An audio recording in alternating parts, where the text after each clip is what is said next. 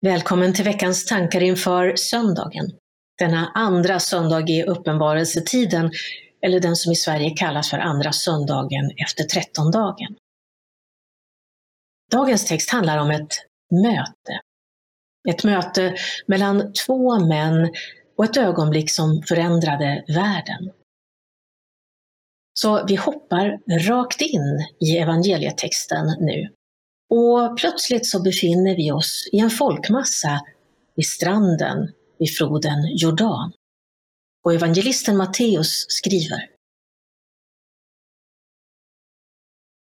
Sedan kom Jesus från Galileen till Johannes vid Jordan för att döpas av honom. Men Johannes ville hindra honom och sa, det är jag som behöver döpas av dig och nu kommer du till mig. Jesus svarade, Låt det ske. Det är så vi ska uppfylla allt som hör till rättfärdigheten. Då lät han det ske. När Jesus hade blivit döpt steg han genast upp ur vattnet. Himlen öppnade sig och han såg Guds ande komma ner som en duva och sänka sig över honom. Och en röst från himmelen sade, Detta är min älskade son. Han är min utvalde.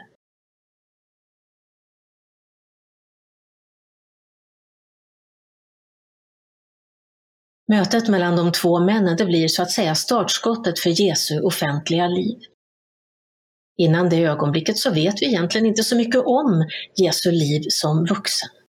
Men eh, så kommer den där dagen vid Jordans strand när Jesus ber Johannes att döpa honom. Låt mig först berätta lite om det kristna dopet. Ja, det har sitt ursprung i den judiska tradition som säger att den person som hade blivit rituellt oren kunde bli ren igen genom att bada i en så kallad mikva, en bassäng eller en vattensamling. Jesus övertog den traditionen, men han ändrade den framförallt på en viktig punkt. Den judiska traditionen sa att man måste bada i en mikva varje gång man hade blivit rituellt oren men Jesus sa att nej, det behöver vi inte göra. Den som är döpt en gång, för honom eller henne behövs ingenting annat. Den som en gång är döpt är döpt och ren för resten av livet. Så när de två kusinerna möts där på stranden, då var det faktiskt Johannes som var kändisen av de två. Han var redan känd. Han hade många år vandrat omkring, undervisat, han hade egna lärjungar. Och en viktig del av hans undervisning, förutom att han döpte, det var också att berätta att någon annan skulle komma efter honom. Någon som var större och viktigare än Johannes själv. Det i sig var kanske ingen större överraskning för de som hade mött Johannes, för han var nu ska vi uttrycka det, en lite udda figur. Under lång tid hade han levt utanför samhället. Han hade varit en eremit som bodde avskilt och han sägs ha överlevt genom att äta gräshoppor.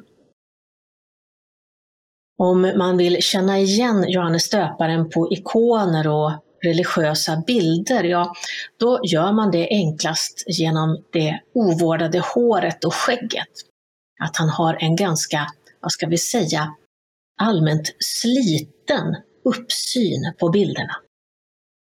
Och ska man tro texterna, och det ska man, så använde han dessutom ett väldigt mustigt språk och inte var han rädd för att tala klarspråk. Han drog sig inte för att reta upp makthavarna. Föga förvånade så slutade också Johannes döparen sina dagar genom att få sitt huvud serverat på ett fat.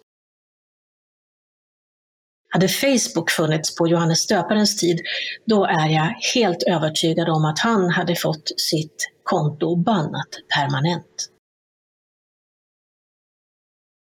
Ändå är det just till honom som Jesus kommer, där vid Jordans strand. När Guds son ska döpas, då är det inte till någon av de fromma de eh, fina kläder och rituellt eh, rena översteprästerna i templet som han kommer. Nej, nej, det är till Johannes. Det är så typiskt. För en Gud som hela tiden vänder på perspektiven. Messias, Guds son, låter sig döpas av den som makten och människor ser ner på och föraktar. Den som lever långt borta från templet är den som får ge Guds son rituell rening. Det är ett perspektiv som innehåller en hel del för våra tankar att jobba vidare med, men det är precis vad som skedde. Jesus döps, Guds ande bekräftar uppdraget och bollen är i rullning. Och den bollen, ja den rullar än idag. För än idag är det dopet som är vägen in i den stora världsvida kristna kyrkan. Det är genom dopet som vi en gång för alla tas upp officiellt i Guds stora, underbara och stundtals väldigt märkliga familj.